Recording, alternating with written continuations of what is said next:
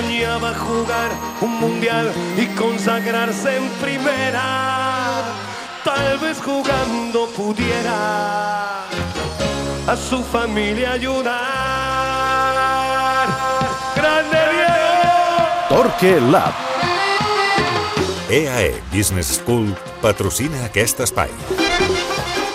Ara ho dèiem, eliminatòria d'Europa League amb nom de gran clàssic europeu, aquest Barça-Manchester United, que és evident que no arriba en el millor moment pel Barça, però és que és evident que el United ja fa uns quants anys que tampoc està en el seu millor moment.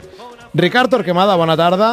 Bona tarda. Serien dos taurons fracassats, no? Sí, però el United una mica més fracassat que nosaltres, eh? Home, sí, perquè ja va començar sent un tauró fracassat a l'agost. Bé, de fet, el United, eh, és, així com el, com el Bayern és la bèstia negra del Barça, jo m'atreviria a dir que el United, com a mínim darrerament, és la bèstia negra. El Barça és la bèstia negra del United, però l'ha guanyat en finals de Champions, l'ha eliminat mm. en l'última eliminatòria de, de Champions també, quan ja el Barça de Valverde, vaja, tres setmanes abans de, de Liverpool. Mm. La qüestió és que el United no ha parat de fitxar jugadors que diries, home, ostres, fins i tot aquest últim estiu Anthony, mm, ja no hi poso Cristiano Ronaldo perquè és evident que no està en el seu millor moment, però aquest estiu han tirat de cartera per fitxar Casemiro, l'anterior van fitxar Varane, és a dir, tu mires la plantilla del United i costa una mica d'explicar que sigui un equip mm, entre irregular i mediocre.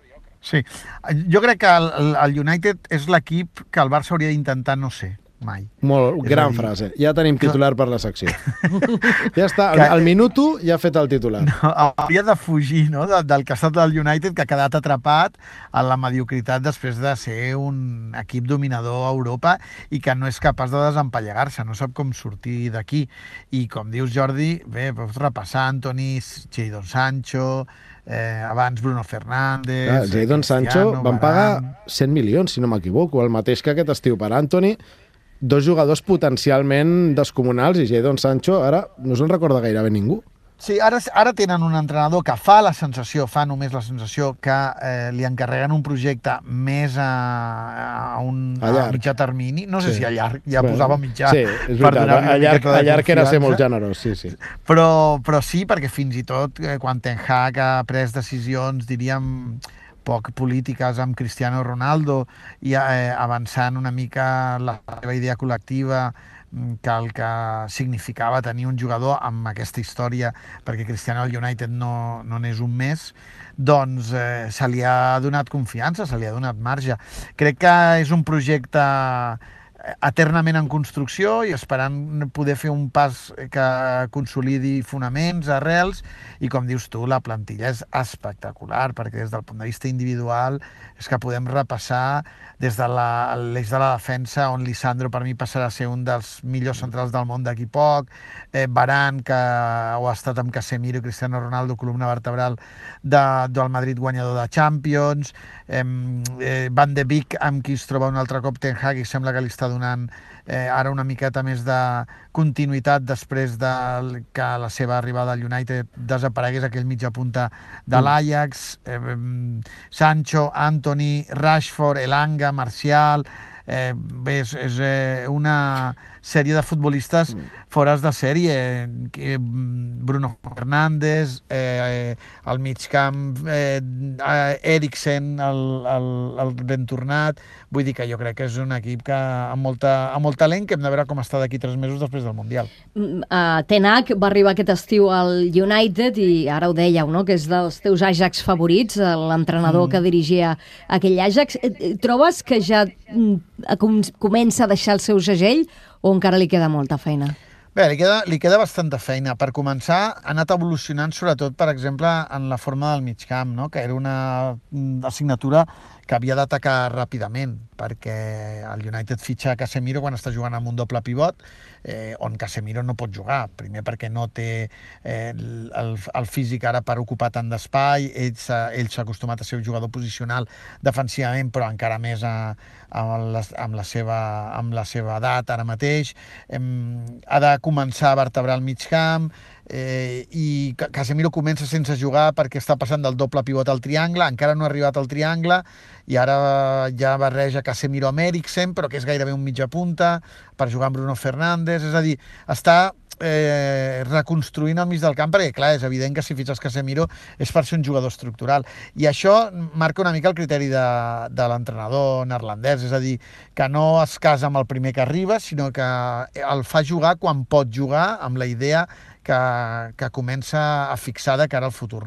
No amb la idea del present immediat, no? Va estar bastants partits a la banqueta Casemiro. Ha passat una mica el mateix amb Cristiano Ronaldo eh, i encara falta perquè fins ara el que s'està refugiant i ara comença a mutar és en un equip que té molta velocitat i per tant eh, jugadors que amb espais oberts tots els que té, Sancho, Elanga, Marcial, Rashford eh, Anthony, són eh, jugadors perillosíssims. Jo crec que sí. a Ten Hag li, li agrada també eh, tenir una miqueta mm, més protagonisme en el joc que el que ha fet en les seves primeres passes, que ha estat més aviat reaccionar. Mm.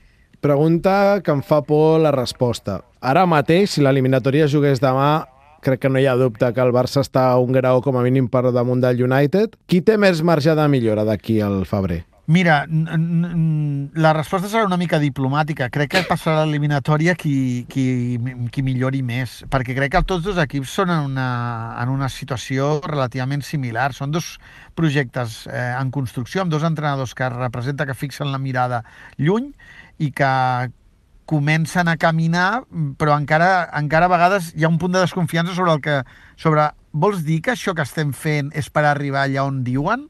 Passa amb tots dos projectes. Eh, I jo crec que això marca una mica doncs, la tendresa, de, la, la falta de consistència. El United eh, ha començat a escalar posicions per situar-se a la zona de Champions, que és on hauria de tornar, després d'un inici molt, molt dolent, eh, i el Barça, eh, la Lliga competeix al cara a cara, però té el cop eh, anímic de la Champions. Eh, qui progressi més probablement eh, serà candidat.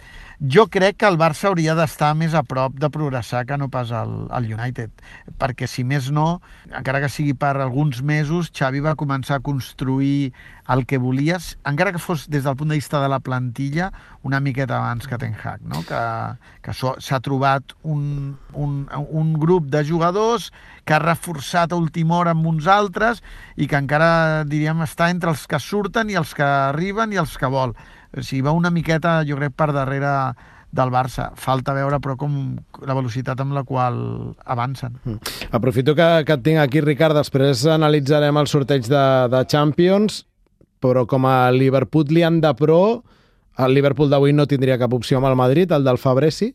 Jo crec que sí. Mira, avui pensava que el Liverpool dels equips grans probablement serà el menys castigat pel Mundial. Eh, no hi ha Salah, no hi ha Luis Díaz, segurament no hi haurà Diogo Jota, veurem si hi ha Thiago, però no és fàcil. Eh, Està ben vist, això, eh? eh? Al mig camp, excepte Fabinho, que probablement... Estàs, ani estàs animant tot un poble, ara, eh? Però vaja, això vés a saber quin efecte té després ja, del Mundial. Perquè van arribar ha, fora de forma. No? Exacte, n'hi haurà, que, exacte, n'hi haurà que diuen és que els hi falta ritme de competició. Els del Mundial arriben més rodats. Però vaja, jo penso que eh, el moment que viu el Liverpool no hauria de ser el moment eh, que té aquest equip, o sigui, aquest equip té més possibilitats que el que està vivint, per tant, s'entén que haurà de canviar i així a priori que no, els jugadors no es cremin ni física ni mentalment eh, i que Klopp pugui treballar amb ells eh, i bé algunes recuperacions de lesions, eh, pot ser que... És a dir, el Liverpool jo no crec que faci una campanya sencera com la començada. Ha de mm. tenir un moment a la temporada que exploti i hauria de ser quan torni a Champions. Molt bé, doncs això ho veurem al febrer. Nosaltres prou feina tenim amb l'Europa League. Ricard, una abraçada, gràcies. A vosaltres, adeu.